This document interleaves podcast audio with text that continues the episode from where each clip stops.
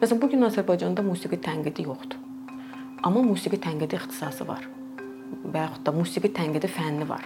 Çox maraqlıdır musiqi tənqidi və Üzeyir bəyin e, 20-ci əsrin əvvəllərində yazdığı məqalələrdə bu bu mövzuya xüsusi toxunub e, ki, bəstəkarlar ittifaqının tərkibində tənqid şöbəsi var, amma tənqid tənqidçilərimiz bu işlə məşğul olmur.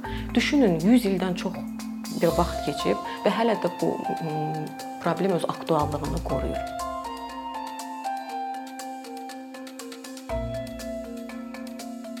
Azərbaycanda musiqi təhsil sistemi dediyimiz zaman mərhələli şəkildə təşkil olunmuş bir sistemdən bəhs etmiş oluruq. Bu sistemdə 7 illik musiqi məktəbi, yəni bu ibtidai musiqi məktəbi hesab olunur.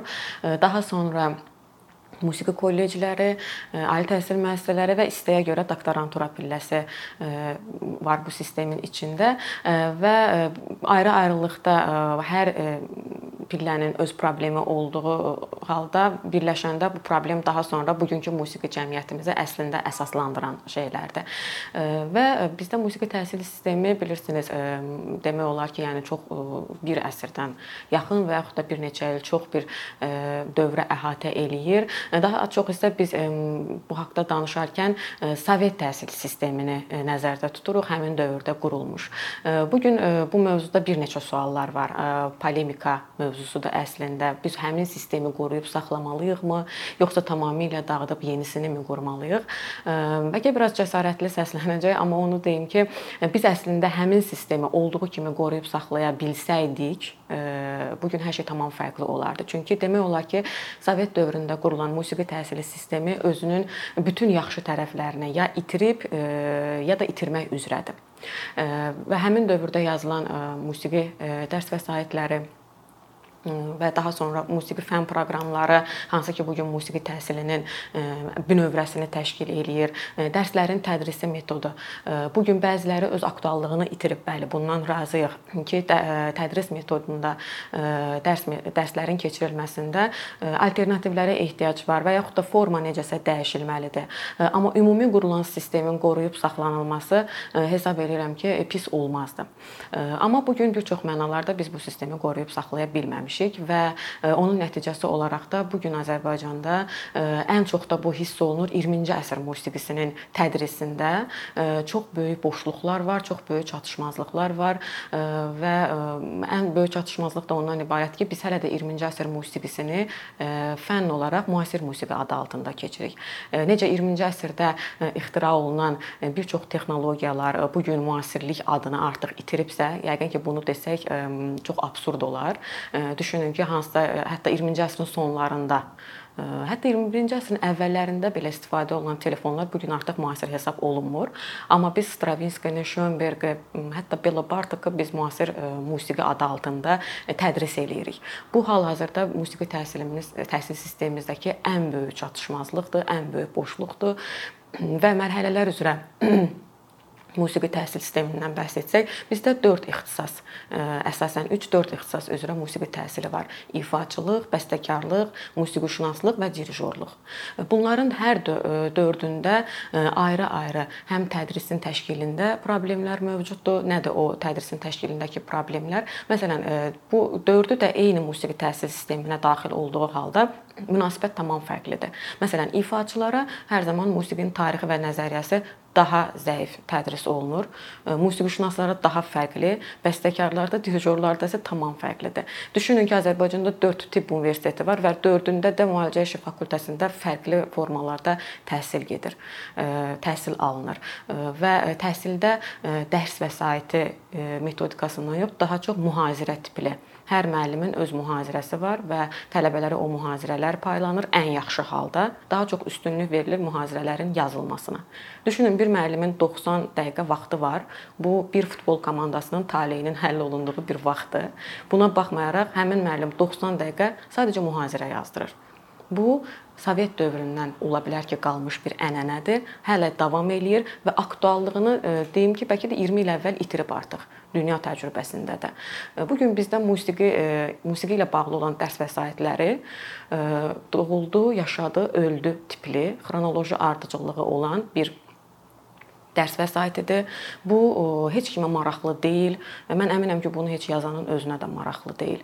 Və bu tip dərs vəsaitlərinin müxtəlif müəlliflər tərəfindən yazılması tələbələrin artıq o fənnə də olan marağının itməsinə səbəb olur. Və zamanla musiqişünaslıqda əsasən də bəstəkarlıq kimi ixtisaslarda hansı ki, burada bədii zövq, intellekt, analitik düşüncənin çox böyük rolu var və zamanla bu bu gün tutalım, əgər bir bəstəkar haqqında danışmağa ehtiyac varsa, hələ də orta və yaşlı nəslə müraciət olunmasına gətirib çıxardır. Çünki qəbul etməliyik ki, həqiqətən də gənc nəsildə hal-hazırda öz fikrini ifadə etmə problemi var. Və bu da musiqi təhsil sistemindən gələn problemdir. Çünki 21-ci əsrdə bir təhsil müəssisəsi bir musiqişünas yetişdirirsə, sadəcə Üzeyir bəyin həyatını xronoloji ardıcıllıqla əzbər bilməsi kifayət etmir ki, mən sizə deyim ki, heç bu da bilinmir. Elə bəlkə də bizim ən böyük problemimiz musiqi tariximizdəki şəxsiyyətlərə olan münasibətdən başlayır ki, biz Üzeyir bəyi məsələn festivallaşdırmaq, heykəlləşdirmək, portretləşdirmək kimi romantik, işin romantik tərəfindəyik. Biz problem bəlkə də biz 1-ci sinifə gedəndə o müəllimin bizə dediyi ilk cümlədədir. Musiqi ruhun qidasıdır ömür boyu, yəni bu təhsil sistemi boyu biz hələ də işin romantik tərəfində, incəsənət tərəfində, art tərəfindəyik. Amma biz onu başa düşməliyik ki, bir proqramist üçün proqramlaşdırma, kodlaşdırma nədirsə, bir musiqişünas, bir bəstəkar, bir ifaçı üçün də əslində musiqi odur. Musiqi ruhun qidası da dinləyici üçün gəlirlər, bizi dinləyirlər. Amma biz işin romantik tərəfində olmamalıyıq. Ona görə də musiqi tarixində bizim məsələn Azərbaycan musiqi tarixinin tədrisində tutalım ki, şəxsiyyətlərin, bəstəkarlar, bəstəkarların e, bioqrafiyalarına olan bu romantik münasibət, e, onlara niyə sualını verməyə məsələn tələbəyə haqq verilməməsi, niyə Üzeyir bəy dahi idi? Onu şərtləndirən amillər. Elə bil ki, dahilik sözündən bir növ artıq bizim e, tədris aldığımız zaman biz qorxuruq. Üzeyir bəy haqqında müəllim danışır auditoriyada və biz biz düşünürük ki, biz indi sual versək ki, niyə belə idi, biz çox böyük e, aqressiya ilə rastlaşarıq və bu belə də olur. Halbuki Üzeyir bəyin e, dahiliyi Şərqin, müsəlman Şərqinin ilk operası yazmağında idisə, əgər e, onun təhsil həyatı var. Əgər biz bilsək ki, Üzeyir bəy çox yaxşı Şuşada çox yaxşı təhsil almışdı. Onun backgroundunda Rus tatar məktəbinin çox böyük rolu var. Daha sonra Qori müəllimlər seminariyasına qəbul olması ki, Azərbaycandan e, Qori müəllimlər seminariyasına qəbul olan 9 Azərbaycanlıdan biri olub Üzeyir bəy. Yəni bu yolu, bu bioqrafiyanı bütün romantizmdən, bütün sentimentallıqdan uzaq şəkildə tələbələrə e, aşılasaq, tələbələrin e, Üzeyir bəy və ondan sonrakı Azərbaycan bəstəkarlıq məktəbinə olan münasibəti də dəyişəcək. Məsələn, onların Asəf Zeynallıya, bu gün Ərtuğrul Cavidi tanımayan bir musiqişünas bəstəkar bəstəkar və ifaçı nəsli yetişir. Ərtuğrul Cavid uzun illər yaşamadı, bəli, amma musiqi tarixində onun çox xüsusi yeri var və beləliklə onu e, əslində yaxşı izah olunduğu zaman auditoriyada belə bir sual yarana bilər. Əgər e, bəlkə biraz radikal sual olar, amma e, olsun, yaransın. Bəlkə Ərtuğrul Cavid və yaxud da Asəf Zeynallı bu qədər erkən vəfat eləməsəydi, bəlkə də Qara Qarayev bu qədər məşhur olmayacaqdı. Bəlkə də İldırımlı Yollar baletindən daha möhtəşəm bir opera yazılacaqdı. Məsələn, mən bu yaxınlarda bir məqalə oxudum. Salieri və Mozart haqqında çox yaxşı polemik bir fikir ortaya qoymuş, qoyulmuşdu ki, bəlkə Salierinin kölgədə qalmağı Mozartı bu gün musiqi tarixində dahi elədi. Məsələn, bu gün Azərbaycanda musiqi tənqidi yoxdur. Amma musiqi tənqidi ixtisası var və yaxud da musiqi tənqidi fənni var. Çox maraqlıdır musiqi tənqidi və Üzeyir bəyin 20-ci e, əsrin əvvəllərində yazdığı məqalələrdə bu bu mövzuya xüsusi toxunub e, ki, bəstəkarlar ittifaqının tərkibində tənqid şöbəsi var, amma tənqid tənqidçilərimiz bu işlə məşğul olmur. Düşünün 100 ildən çox bir vaxt keçib və hələ də bu problem öz aktuallığını qoruyur.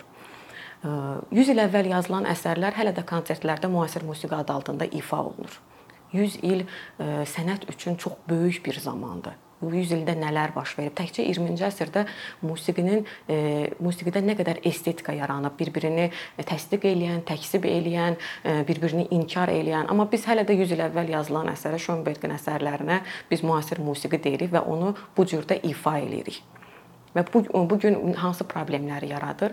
Azərbaycandan xaricdə təhsil almaq üçün gedən tələbələr düşdüyü öz yaşıdları olan e, bir mühitdə əgər Schönberg haqq Schönberg haqqında müasir musiqi, e, müasir bəstəkar desələr, e, inanın ki, bu bir mənalı qarşılanmayacaq. Məsələn, Bakı caz şəhərdir, amma Azərbaycanda caz musiqi təhsili yoxdur. Bakının cazla olan yeganə bağlılığı Vaqif Mustafazadənin burada yaşaması e, və Əzizə Mustafazadə. Yəni bu iki addır. Amma hələ də caz musiqi 21-ci əsrdə nəzəriyyəsi olan hər şeyin təhsili var. Yəni az qalır ki, street art belə ayrı bir təhsil, bir akademiya yaradılsın və orada sırf qrafiti, street art kimi e, estetikalar tədris olunsun və e, tədris, təhsil 4 e, divardan ibarət deyil. Mütləq önündə kiminsə heykəli olan 4 divardan e, ibarət bir bina deyil. Və amma bizdə hələ də təhsilə belə bir münasibət var. Hardasa biraz da avtoritar bir münasibətdir bu. Musiqi təhsil sistemində avtoritar demişkən, musiqi təhsil sistemimizdə ən böyük problem biz Sovet dövründə yaşadığımız 70 ili musiqi tariximizdə demək olar ki, e, yox sayırıq. Məsələn, bu gün musiqi tarixi ilə bağlı olan elə nəzəriyyə ilə də bağlı olan bütün dərs vəsaitləri, ümumiyyətlə dərs vəsaitləri və fən proqramlarının çox böyük monitorinqinə ehtiyac var çox böyük monitorinqinə ehtiyac var. Konkret e, hesab edirəm ki, konkret qaydalar olmalıdır. Və bu qayda bu gün bəli bir qayda var. Bu qayda nədir? Elmi dərəcəsi olmayan hər hansı bir musiqiçi e, sertifikatından, qatıldığı təlimlərdən, aldığı təhsildən asılı olmayaraq, istərsən sən Juilliard School-da da təhsil ala bilərsən. Əgər Azərbaycanda təsdiq olunmuş elmi dərəcən yoxdursa, sən musiqi təhsilinə dair heç bir şey, yəni dərs vəsaiti yaza bilməzsən. Bu çox ağır bir qaydadır. Bu 21-ci əsrin bütün qaydalarını, yəni hansı ki sənətə dair, təhsilə dair olan bütün baxışlarını inkar eləyən və bizi bir çox platformalarda çox pis vəziyyətdə qoyan, beynəlxalq platformalardan söhbət gedir, qaydadır. Yəni harda deyiriksə bunu bizə çox qəribə baxırlar ki, yəni elmi dərəcə sənin deyə biləcəyin bir söz varsa nə qədər rol oynayır? Ona görə də bu gün bəlkə də cazla bağlı kitab yazmaq istəyən, dərs vəsait yazmaq istəyən gənclər var, amma onların qarşısında belə bir problem var. Daha sonra e, doktorantura pilləsində e, təhsil alanların e, məhz bakalavriatdan, magistraturadan gələn o bir bizim təhsil sistemində bir şey var, sərbəst iş. Hansı ki sən bakalavriatda 4 il və daha sonra magistraturada 2 il hər semestr sərbəst iş yazırsan. Bu gün necə yazılır o sərbəst işlər? Məncə hamı bunu təsdiq eləyər və etiraf eləyər. Bəlli bir internet resurslarından copy-paste olunur və o ağac o kağızlar üçün də minlərlə ağac kəsilir. Daha sonra o kağızlar kafedrada bir şkafda qalır və daha sonra makulaturaya verilir. Nəticə bu copy-pastelər sayəsində 4 il sonra bir tələbə özü mövzu götürüb onun barəsində hər hansı bir şey yaz, yəni elmi yükü olan bir şeydən söhbət gedir, yazmaqda çətinlik çəkir. Daha sonra magistraturada eyni məsələ e, təkrarlanır və daha sonra doktoranturada e, nəticə daha acınacaqlı olur. Bu gün e, tədqiqat işlərinin mütləq əksəriyyətində siz əgər gedib arxivə baxsanız, bu adları çox görəcəksiniz. Filan bəstəkarın yaradıcılığının üslub və xüsusiyyətləri, filan bəstəkarın yaradıcılığının spesifik cəhətləri.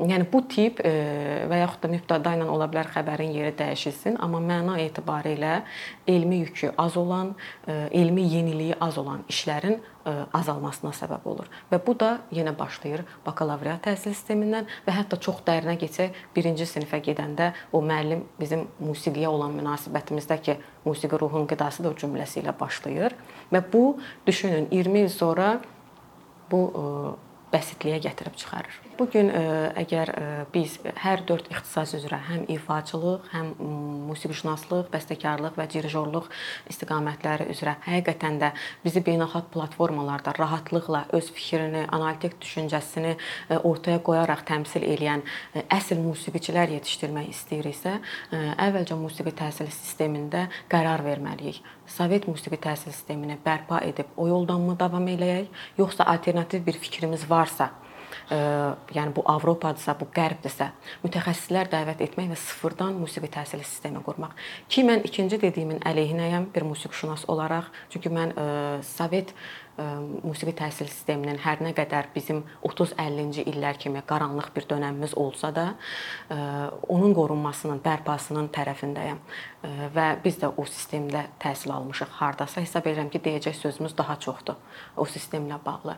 Hər halda iki alternativimiz var. Musiqi dərs və musiqi ilə bağlı dərs vəsaitlərinin, fən proqramlarının adekvatlığının mütəxəssisi olan bir mütəxəssisə onun dərs deyə biləcəyi fənni vermək, müəllimə dərs yükü düzəltmək bizim prioritetimiz olmamalıdır.